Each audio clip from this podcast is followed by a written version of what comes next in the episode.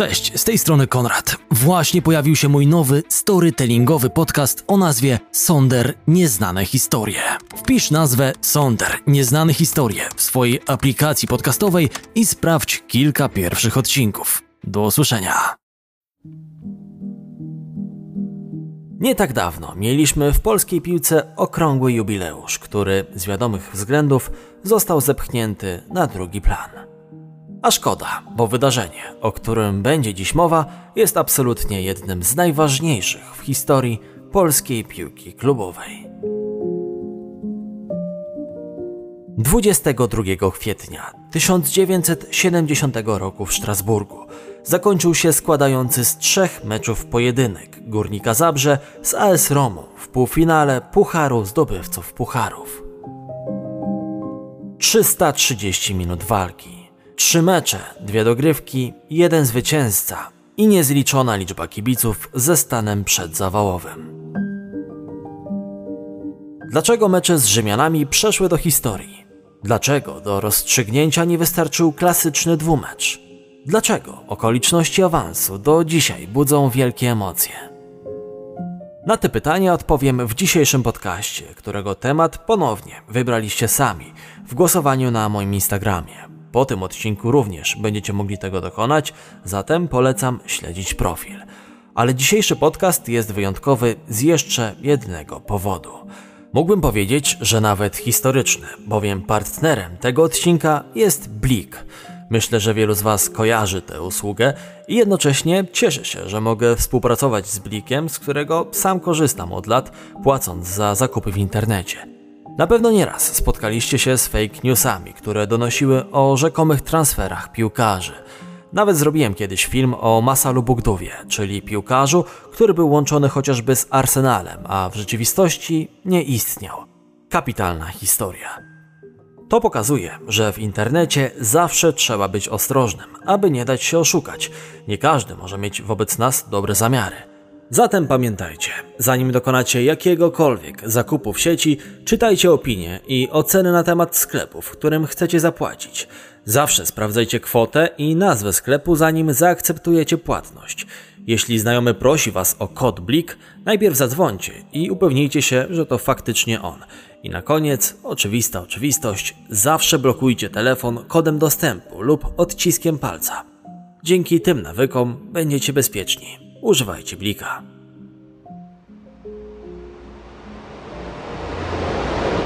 Historie z boiska. Ciekawsza strona futbolu. Cofnijmy się zatem o pół wieku.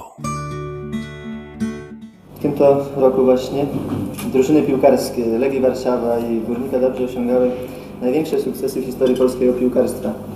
Oczywiście tutaj warto by było jeszcze raz obejrzeć te emocje. Ja mógłbym jeszcze raz przeżyć to wszystko, co przeżywałem bezpośrednio na boisku.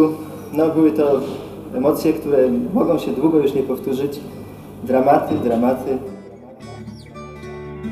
Tak wspominał sezon 1969-70 Włodzimierz Lubański. Niekwestionowana gwiazda ataku górnika i całej polskiej piłki lat 70. Choć dziś bohaterami odcinka będą Zabrzanie, koniecznie należy powtórzyć za Lubańskim, że w tamtym sezonie polska piłka klubowa miała na europejskiej arenie równie godnego reprezentanta. W Pucharze Europy piękną przygodę przeżyła warszawska Legia, która zatrzymała się dopiero w półfinale, ulegając późniejszemu triumfatorowi Feyenoordowi Rotterdam. O nich być może opowiem Wam w przyszłości. Wróćmy jednak na Śląsk. Wielki górnik z przełomu lat 60. i 70. zbudowany został przez Gezę Kaloczaja. Węgierski trener miał wielki autorytet u podopiecznych. Będąc asystentem selekcjonera Gustawa Szebesza, zdobył z reprezentacją swojego kraju wicemistrzostwo świata w 1954 roku. Opowiadałem wam o tym w jednym z pierwszych odcinków podcastu. Początkowo niechętni mu piłkarze, z czasem zorientowali się, że wszystkie śmiałe pomysły charyzmatycznego szkoleniowca dotyczące taktyki i pozycji poszczególnych piłkarzy mają odzwierciedlenie w wynikach. Gdy po trzech latach Kaloczaj opuszczał górnika, piłkarze byli załamani. O tym jednak za chwilę. O górniku można było powiedzieć jedno z całą pewnością. Nie był to zlepek 11 piłkarzy, była to jedna drużyna. Oczywiście miała ona twarz Lubańskiego, ale nazwiska Jerzego Gorgonia, Huberta Kostki, kapitana Stanisława Oślizły, Jana Banasia czy Zygfryda Szałtysika wymieniało się wówczas jednym tchem. Lubański był indywidualistą, zawsze trzymał się nieco z boku, ale cały górnik, oni się po prostu strasznie lubili. Nie było między nimi zawiści. Wszyscy daliby się za siebie pokroić. Powiedział po latach prezes górnika, Ryszard Schuster. Górnik, wicemistrz i zdobywca Pucharu Polski sezonu 68-69 przystępował zatem do gry w Pucharze zdobywców Pucharów na pewno nie z pozycji outsidera. Zabrzanie, mając w składzie reprezentantów Polski cenionego trenera i Lubańskiego, który czwarty sezon z rzędu cieszył się z korony króla strzelców w lidze, czekali na losowanie z entuzjazmem. Pierwszym rywalem górnika był Olympiakos Pireus. Grecy postawili się zabrzaną tylko w pierwszym meczu u siebie, gdy w drugiej minucie zdołali strzelić dwie bramki i doprowadzić ostatecznie do remisu 2 do 2. Rewanż w Zabrzu był już pokazem siły górnika, który rozgromił gości 5 do 0, meldując się tym samym w jednej ósmej finału, gdzie mieli zmierzyć się z Glasgow Rangers. Pierwsze spotkanie wygrał dość niespodziewanie górnik. Było 3 do 1. Rewanż na Ibrox Park zapowiadał się arcyciekawie. Oddajmy głos Lubańskiemu.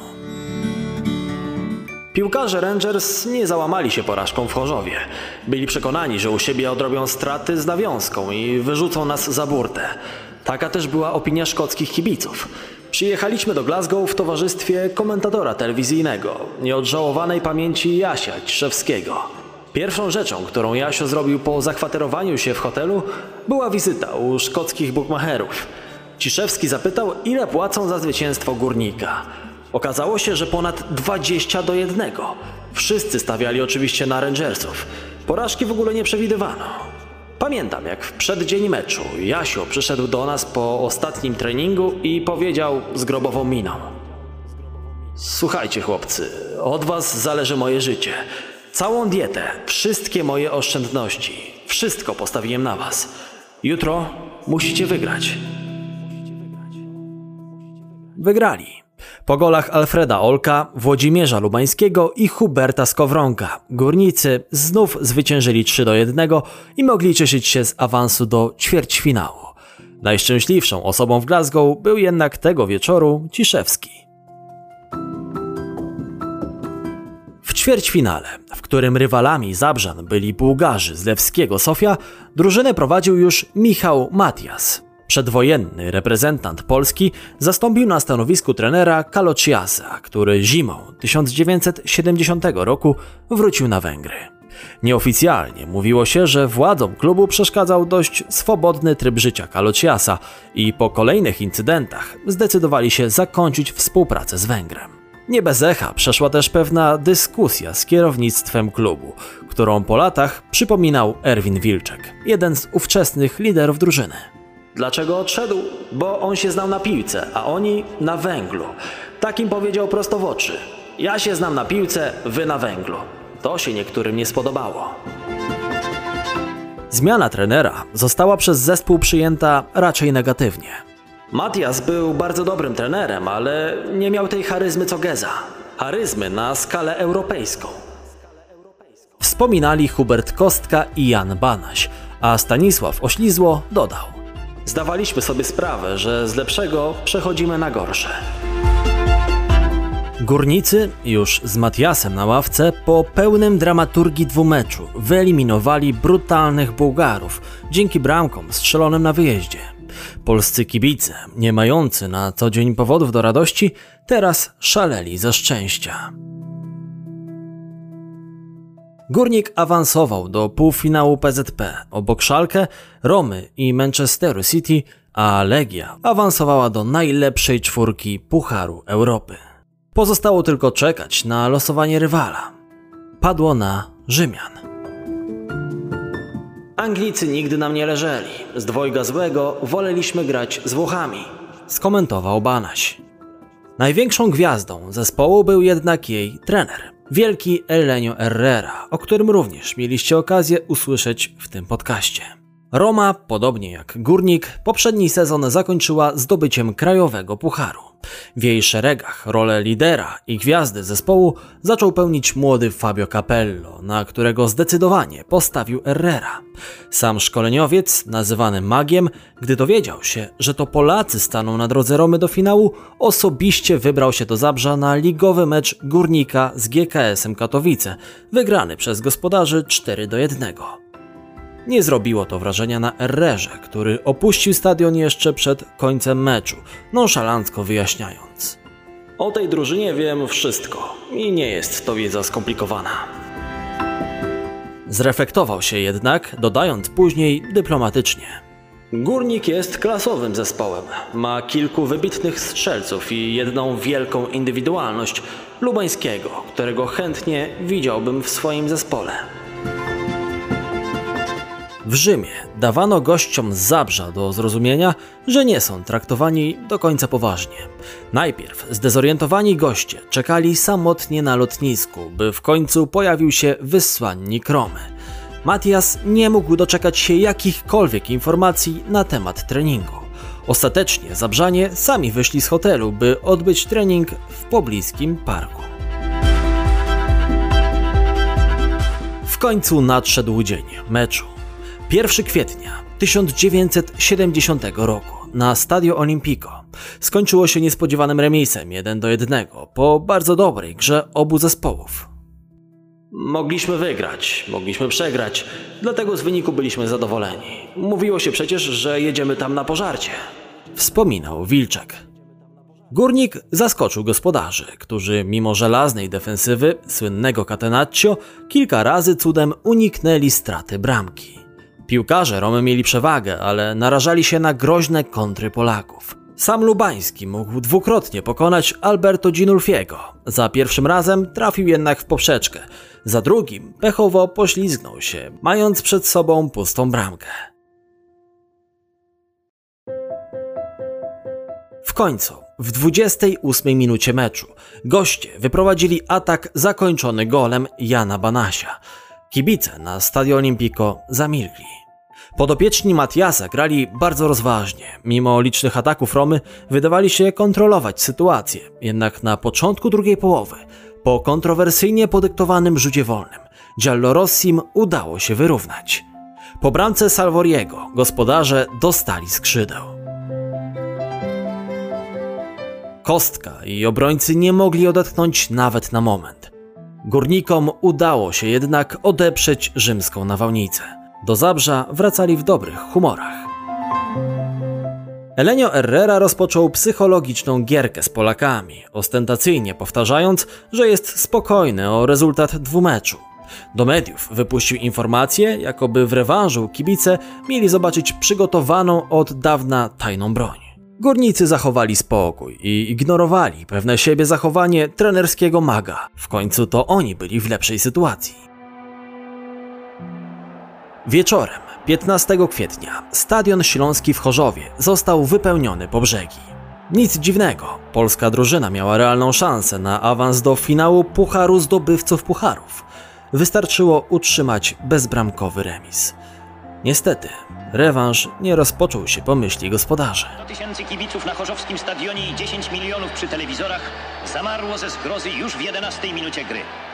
Rzut karny na polską bramkę strzela Capello. Po rzucie karnym, podyktowanym za faul Kuchty na Salvorim, do jedenastki podszedł Capello i choć Hubert Kostka odczytał intencje Włocha, ten nie miał problemu przy dobitce.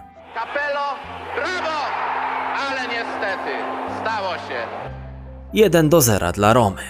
Od tego momentu kibice obrali sobie za cel sędziego, niemiłosiernie na niego bucząc. W przerwie meczu na sprytną zagrywkę zdecydował się prezes górnika, Ernest Wyra.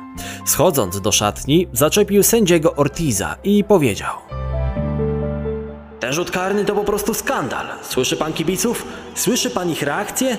Jeśli ten mecz tak się skończy, nie będziemy mieli argumentów, żeby pana bronić. Krótko mówiąc, była to zagrywka w stylu Vito Corleone. Hiszpański arbiter zaczął się zastanawiać, czy faktycznie nie popełnił błędu. Ten sędzia myślał tak do 90 minuty, mówi Wilczek. Wtedy podyktował dla nas rzut karny, którego zresztą też nie było. Górnik rozpaczliwie atakował, do końca walcząc przynajmniej o dogrywkę. Gdy praktycznie cała drużyna gospodarzy ruszyła na bramkę Romy, środkowy obrońca górnika, Jerzy Gorgoń, padł w polu karnym po starciu z defensorami Romy, mniej więcej na linii pola karnego. Zegar wskazywał 89 minutę. Stadion Śląski zamarł.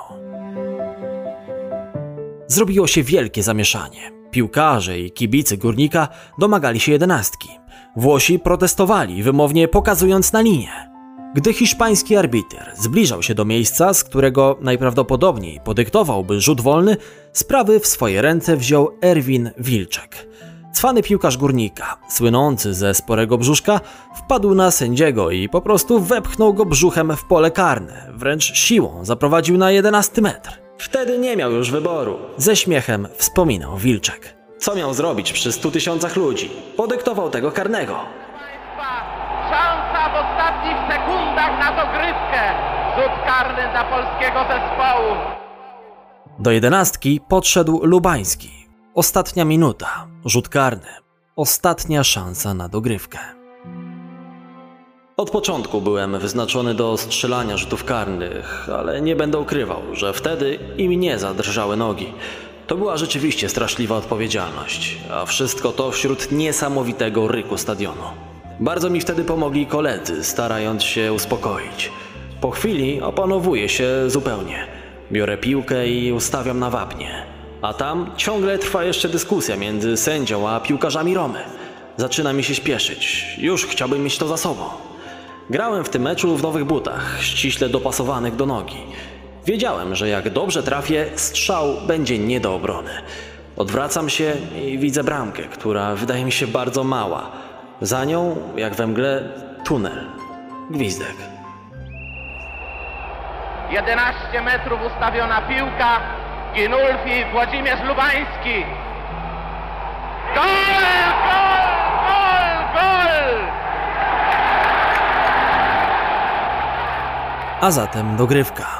Bramka Lubańskiego podziałała na kibiców, którzy sprawili, że doping niósł się po całym Chorzowie i dodał skrzydeł gospodarzom. Kilka chwil po rozpoczęciu dogrywki stadion wręcz eksplodował, gdy Lubański wpisał się na listę strzelców po raz drugi, pokonując Ginulfiego praktycznie zerowego kąta. Polacy.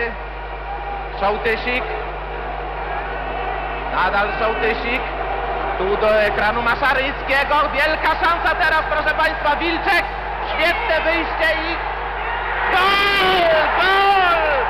Gol, proszę Państwa! Włodzimierz Lubański uzyskuje z niezwykle ostrego kąta bramkę. 2 do 1 dla górnika. Awans zbliżał się wielkimi krokami.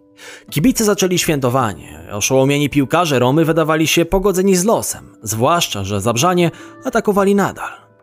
I kiedy do końca dogrywki pozostawało kilkadziesiąt sekund, Francesco Scaratti oddał strzał rozpaczy. Mocno, z daleka. Zasłonięty przez obrońców Hubert Kostka nie zdążył. Piłka wpadła do siatki. Długi wyrzut na kilkadziesiąt metrów. Proszę Państwa, wielka szansa. Gol! Gol dla Włochów z olbrzymiej odległości. Szał, proszę Państwa, radości u Włochów. Cóż za dramat, cóż za dramat. Remis 2 do 2. Włosi strzelili dwie bramki, ale na wyjeździe.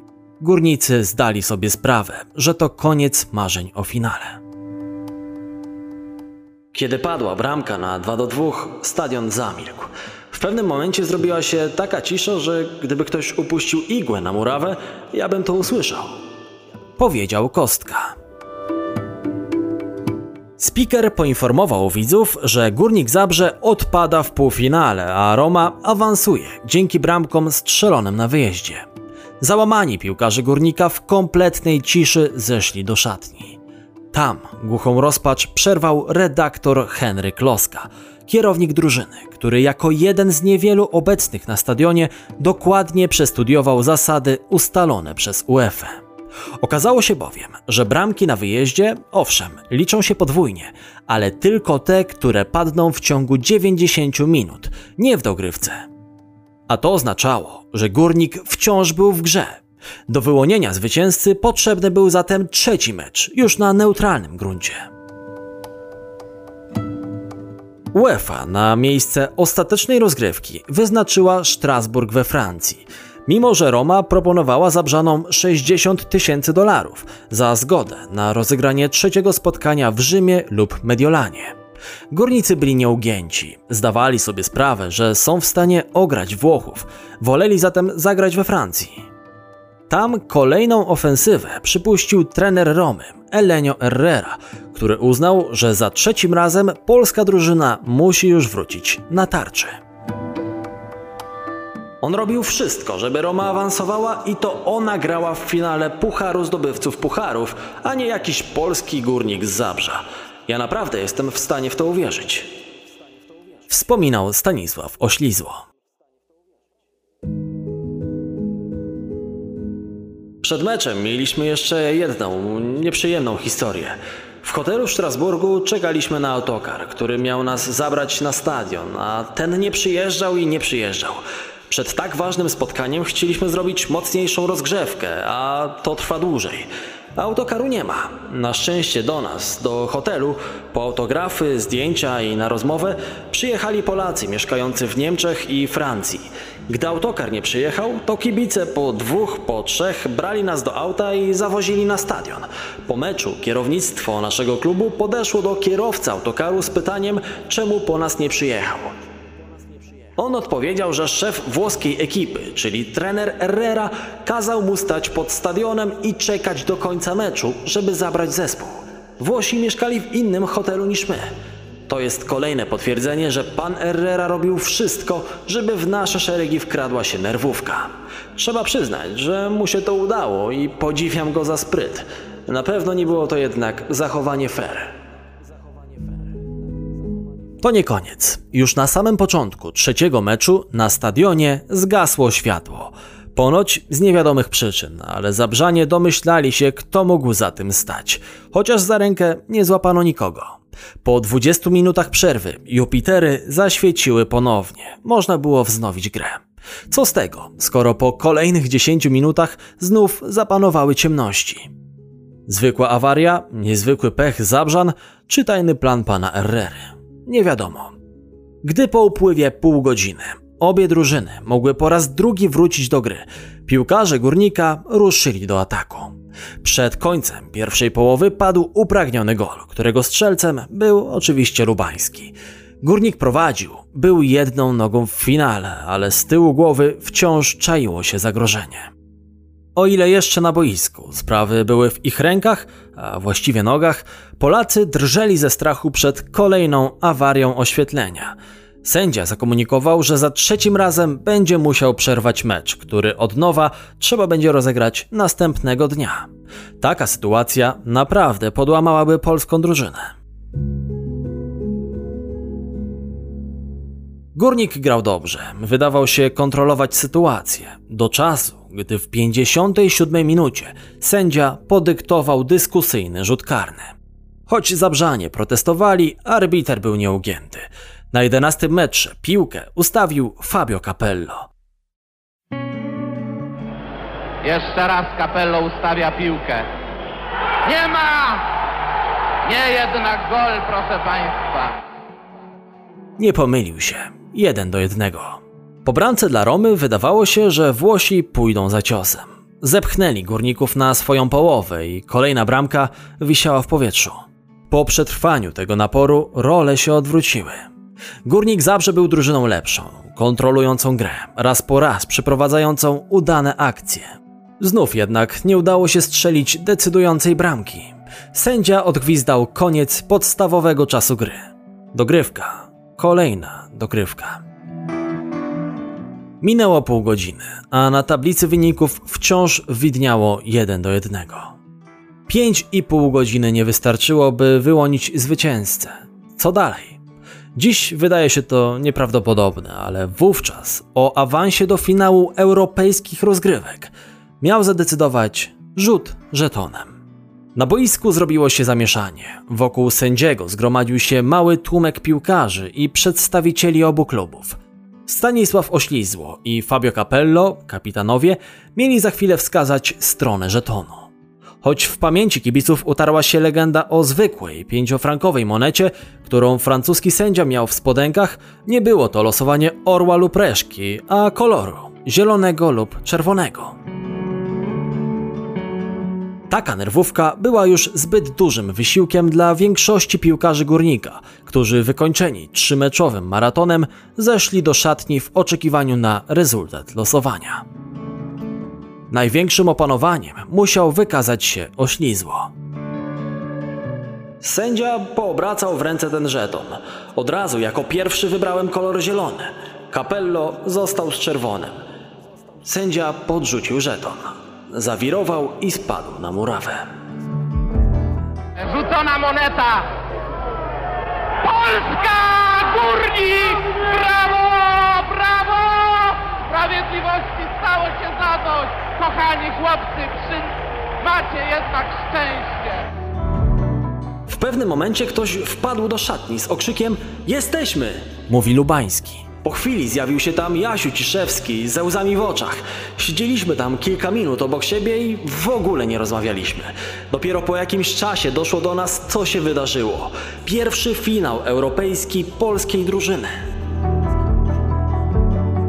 Mecze Górnika z Romą i kuriozalny sposób wyłonienia zwycięzcy dały do myślenia przedstawicielom International Football Association Board, organizacji ustalającej przepisy. Jeszcze w tym samym roku ustanowiono nową zasadę, wprowadzającą serię rzutów karnych. Zasadę również kontrowersyjną, ale jakby trochę mniej, prawda?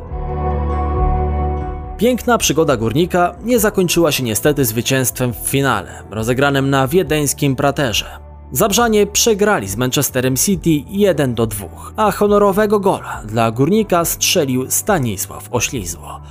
Na pocieszenie została korona króla strzelców całej edycji Pucharu, którą z siedmioma bramkami na koncie zdobył Włodzimierz Lubański. Tuż za nim uplasował się Jan Banaś, strzelec pięciu goli. Mimo porażki, Górnik Zabrze pokazał się w Europie z jak najlepszej strony i przeszedł do historii polskiej piłki. Minęło 50 lat, a my nadal nie doczekaliśmy się klubowego reprezentanta, który zagrał w finale europejskiego pucharu. Zabrzanie są jedynie w historii. Piekielnie trudno będzie powtórzyć ten sukces, choć nic przecież nie jest niemożliwe. Kto jak kto, ale piłkarze górnika wiedzą o tym doskonale.